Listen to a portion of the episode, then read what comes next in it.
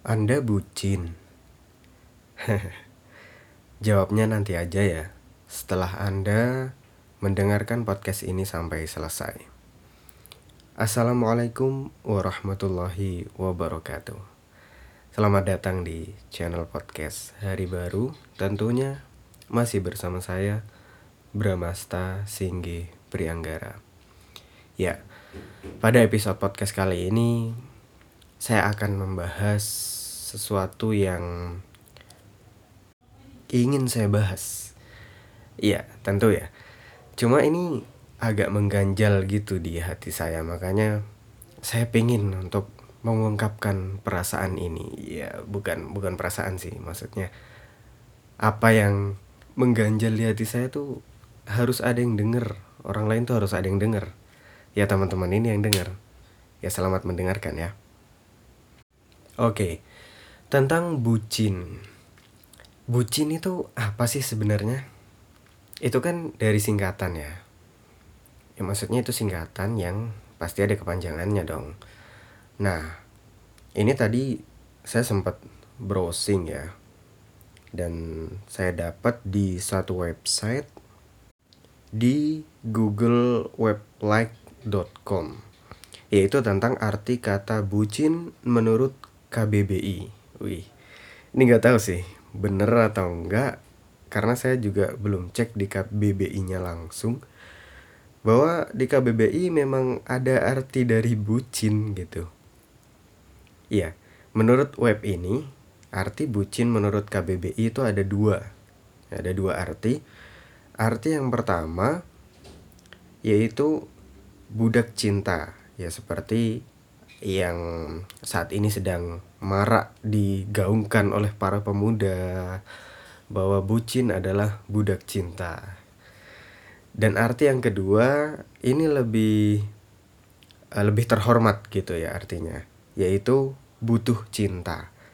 Ini lebih mending sih daripada yang tadi budak cinta tuh kok kayaknya uh, gimana gitu ya konotasinya aja udah langsung negatif gitu Nah, kalau yang kedua, butuh cinta ini masih mending sih ya. Kalau memang arti bucin itu butuh cinta, ya saya nggak jadi masalah gitu. Berarti nggak jadi mengganjal di hati saya. Karena siapa sih orang yang nggak butuh cinta gitu. Semua manusia di muka bumi ini yang normal ya tentunya pastilah butuh cinta. Entah itu cinta dari kedua orang tua, cinta dari Allah dan Rasulnya pastinya ya kan? Kemudian cinta dari orang-orang terdekat yang mencintai dan menyayangi dia pasti butuh. Setiap orang pasti butuh. Nah kalau ternyata arti bucin itu yang seperti yang selama ini digaungkan oleh para pemuda khususnya di Indonesia gitu ya yang mengatakan bucin adalah budak cinta. Nah ini nih. Ini yang saya pribadi kurang setuju dan itu sangat mengganjal di hati saya. Nah kalau arti bucin yang tadi, yang butuh cinta, itu nggak usah kita bahas ya, karena di situ nggak ada permasalahan. Kalau memang artinya butuh cinta, ya udah semua orang butuh cinta, berarti bucin nggak ada masalah. Nah arti yang kedua nih, budak cinta, itu yang jadi masalah. Sejak kapan sih istilah bucin itu muncul gitu?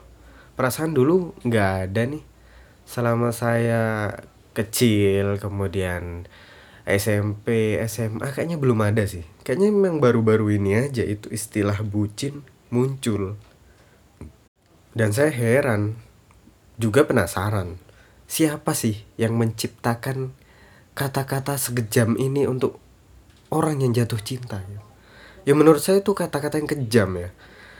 Karena ketika orang berkata eh dasar bucin. Itu udah konotasinya pasti negatif gitu. Nggak mungkin positif nggak mungkin. Ya oke deh kita kembali ke masa lalu ya. Sebelum istilah bucin ini datang.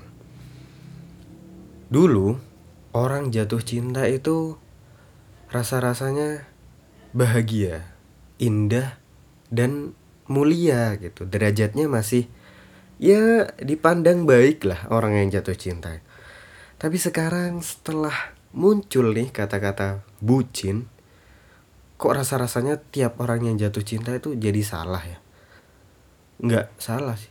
Bahkan lebih dari salah gitu kayak yang hina banget gitu. Sampai diartikan sebagai budaknya cinta. Ini ini benar-benar nggak setuju sih saya pribadi nggak setuju. Ya mungkin dari teman-teman ada yang berpikiran lain ya. Tapi saya berusaha menyampaikan ketidaksetujuan saya dan apa yang mengganjal di hati saya. Dulu ketika orang-orang jatuh cinta dan menyatakan rasa cintanya itu kepada banyak orang itu kayaknya nggak jadi masalah bahkan ya fine fine aja gitu karena itu hal yang wajar ya. Kemudian juga orang bikin puisi orang nyanyi galau ya. Dulu kan masih marak banget ya dan dulu juga saya sering masih sering dengarkan. Kalau sekarang udah ya semoga udah nggak lagi ya. Ya nyanyian nyanyian yang tentang galau-galau gitu tentang cinta-cinta. Dan itu masih nggak masalah dulu. Namun sejak adanya nih kata-kata bucin ini muncul. Kok jadi salah semua kayaknya? Orang jatuh cinta salah orang bikin puisi tentang cinta salah orang senja-senja itu juga salah gitu kok semuanya bucin gitu budak cinta rasa-rasanya semuanya kayak gitu sekarang Padahal nggak semua orang yang jatuh cinta itu akan menjadi budak cinta. Itu loh. Tergantung gimana kita jatuh cintanya dulu. Tapi nggak di zaman sekarang semua orang jatuh cinta ya udah bucin gitu. Kamu bucin emang udah. Coba deh penulis-penulis puisi zaman dulu yang terkenal banget ya puisi-puisi lama yang keren-keren lah pokoknya. Dan itu maknanya dalam banget sih daripada puisi-puisi yang sekarang. Saya rasa masih lebih dalam makna puisi-puisi lama ya. Tapi kenapa pencipta puisi yang dulu-dulu itu nggak ada yang dikatain bucin? Ya karena memang istilah itu belum ada waktu itu. Baru ada baru-baru ini aja. Anak-anak ini nih, milenial ini aja nih yang bikin kata-kata sekejam itu untuk para pencinta kenapa sih harus menggunakan kalimat itu gitu loh untuk cinta cinta itu mulia loh ya tapi tergantung juga sih cinta yang bagaimana dan kepada siapa tapi pada hakikatnya cinta itu mulia dan ya tetap nggak pantas lah kalau sampai disematkan kata-kata seperti itu untuk orang yang jatuh cinta ya. Atau jangan-jangan kata-kata bucin ini hanya dijadikan senjata dan persembunyian bagi orang-orang yang tidak bisa dan tidak mampu jatuh cinta. Atau sampai saat ini belum pernah menemukan cintanya. Jadi ketika melihat orang lain jatuh cinta, ya menemukan cinta terbaiknya gitu, dia iri mungkin ya, iri dengki yang ada dalam penyakit hati kemudian ya menciptakan suatu kata yang hmm, itu tadi kejam lah ya. Menurut saya itu kejam. Mungkin mungkin begitu ya itu sebuah senjata aja bagi orang-orang yang nggak mampu jatuh cinta akhirnya membuat suatu kata yang menjatuhkan orang-orang yang sedang jatuh cinta. Atau ya nggak tahu lagi ya. Saya ingin saya nggak ingin menebak-nebak terlalu jauh. Tapi ya kembali saya tetap nggak setuju dengan kata-kata bucin yang artinya adalah budak cinta. Kalau butuh cinta nggak masalah. Tapi sebenarnya bucin budak cinta itu nggak masalah sih iya saya katakan bahwa menjadi budak cinta itu nggak apa-apa it's fine tapi tergantung kepada siapa kita jatuh cinta budak cinta. Kalau cinta kita kepada Allah dan Rasulnya, harusnya kita jadi bucin dari lahir sampai sekarang, sampai mati bahkan. Harus kita jadi bucin. Bucinnya siapa? Allah dan Rasulnya. Kita harus jadi budaknya Allah untuk mengejar cintanya Allah Subhanahu wa taala dan cintanya Rasulullah Shallallahu alaihi wasallam. Harus itu, wajib. Ya. Dan juga kita harus jadi bucin untuk kedua orang tua kita. Karena ya nggak mungkin lah ya seorang anak tuh nggak cinta sama orang tuanya itu itu udah fitrah sih seorang anak cinta sama orang tuanya. Kalau sampai ada yang nggak cinta itu ya sakit mungkin. Sedang sakit ya. Berarti nggak apa-apa bucin. Kalau ke orang lain kayak gimana? Ya tergantung juga ke siapa dulu kita jatuh cinta. Misal nih ke istri. Ke istri boleh bucin nggak? Tergantung. Dulu kita milih istrinya kayak gimana? Kalau kita milih istri yang sesuai dengan tuntunan syariat Islam, tuntunan Rasulullah Shallallahu Alaihi Wasallam dan petunjuk Allah, ya nggak masalah bucin, bahkan ya harus bucin gitu. Karena coba deh kita ingat-ingat lagi ya. Tuntunan Islam, tuntunan Rasulullah Shallallahu Alaihi Wasallam melalui hadis beliau yang memberikan petunjuk kepada kita bagaimana cara memilih pasangan. Ya, tentunya yang akan kita jadikan istri ya. Kalau pacar mah saya nggak nggak bahas, saya nggak bahas itu. Anda mau bucin buat pacar, haram, haram pokoknya bucin. Ya nggak bucin pun kalau buat pacar haram, nggak nggak mau tahu udah titik gitu ya yeah. tapi kalau buat istri ya dan cara memilih calon istri nih udah ada hadisnya yang artinya Wanita biasanya dinikahi karena empat hal.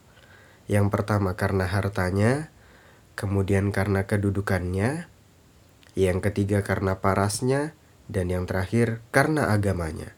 Maka hendaklah kamu pilih wanita yang bagus agamanya atau keislamannya. Kalau tidak demikian, niscaya kamu akan merugi. Hadis sahih riwayat Bukhari dan Muslim. Ya, dari hadis ini kita tahu bahwa ada empat nih kriteria yang harus kita lihat dari seorang wanita yang akan kita pilih untuk jadi istri. Yang pertama harta. Yang kedua kedudukan. Ya dari keturunannya, dari uh, derajat dia di mata masyarakat. Kemudian karena parasnya, kecantikan, keindahan. Pokoknya ya tentang keindahan wanita lah ya, para lelaki pasti tahu. Yang terakhir karena agamanya. Nah, boleh bucin asal pilih yang terakhir, yaitu karena agamanya. Sesuai dengan hadis tadi.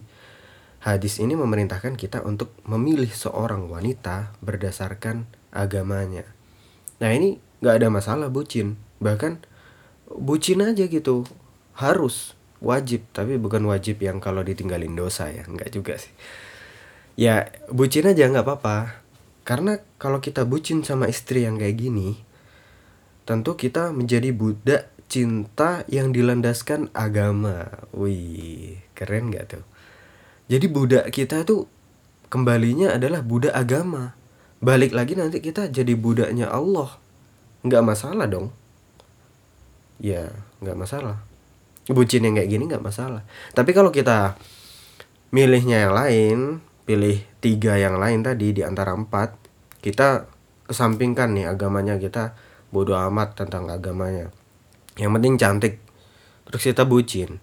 Ya kita bucin dengan kecantikan dia. Ini haram nih nggak boleh nih.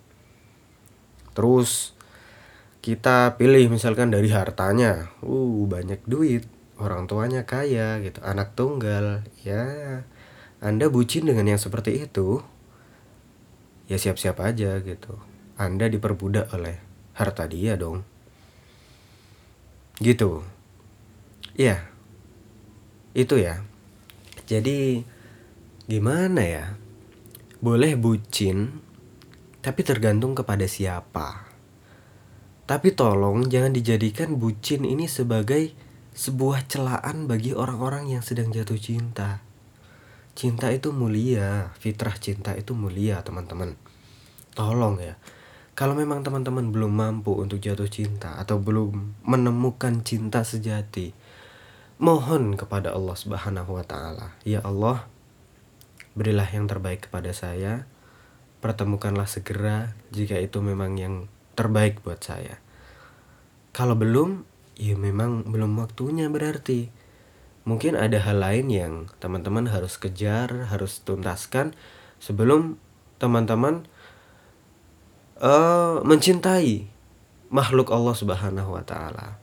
Mungkin teman-teman kurang maksimal nih dalam mencintai Allah dan Rasulnya. Jadi sama Allah ya belum dikasih gitu untuk mencintai makhluk makhluk-makhluknya. Lawang mencintai Allah aja belum benar, kok mau mencintai makhluknya? Ya mungkin kayak gitu ya. Atau ada faktor lain yang menyebabkan akhirnya kita memang belum waktunya untuk menemukan cinta kita. Ya kalau udah gitu sabar aja sih. Sabar, tetap berusaha, jangan menyerah dan jangan lupa berdoa yang pasti. Ya, saya rasa itu ya yang saya keluhkan selama ini karena benar-benar saya merasa nggak nyaman ketika ada teman saya atau siapa pun mengatakan kepada saya atau kepada orang lain saya mendengar gitu. Ada orang mengatakan orang lain bucin budak cinta. Ya saya rasa kata-kata itu nggak perlu ya. Biarkan aja mereka mencintai seorang dengan caranya. Kalau memang cara mencintai dia menurut kita salah ya kita ingatkan dengan baik bukan kita kata-katai dengan bucin atau yang lain sebagainya. Ya saya rasa sekian ya kalau kesah saya kali ini. Maaf kalau mungkin ada beberapa scenes kok scenes ada beberapa kalimat yang rasa-rasanya kayak ngegas sedikit gitu ya tapi ya ke bawah aja sih sorry ya ya semoga bermanfaat kalau kesah yang saya sampaikan kepada teman-teman dan terima kasih sudah mendengar keluh kesah saya. Saya cukup lega kali ini dan semoga episode podcast kali ini banyak yang dengerin dan banyak yang sadar gitu bahwa nggak perlu lah lagi kita bucin-bucin mengeluarkan kata-kata bucin itu nggak perlu. Bucin nggak apa-apa tapi ngatain orang dengan bucin jangan dong pakai kata-kata lain aja lah. Kamu terlalu cinta gitu mungkin ya. Terlalu uh, atau ya yang lain ya yang yang nggak terlalu kejam gitu. Oke sekali lagi terima kasih teman-teman. Semoga ada hal yang bermanfaat walaupun ini sebuah keluh kesah ya. Selamat uh, menikmati hari-hari teman-teman dan selamat mencintai orang-orang yang harusnya teman-teman cintai. Selamat eh, selamat sampai berjumpa kembali di episode podcast selanjutnya sehat-sehat terus teman-teman agar bisa mendengarkan saya terus ya. Oke, terima kasih. Assalamualaikum warahmatullahi wabarakatuh.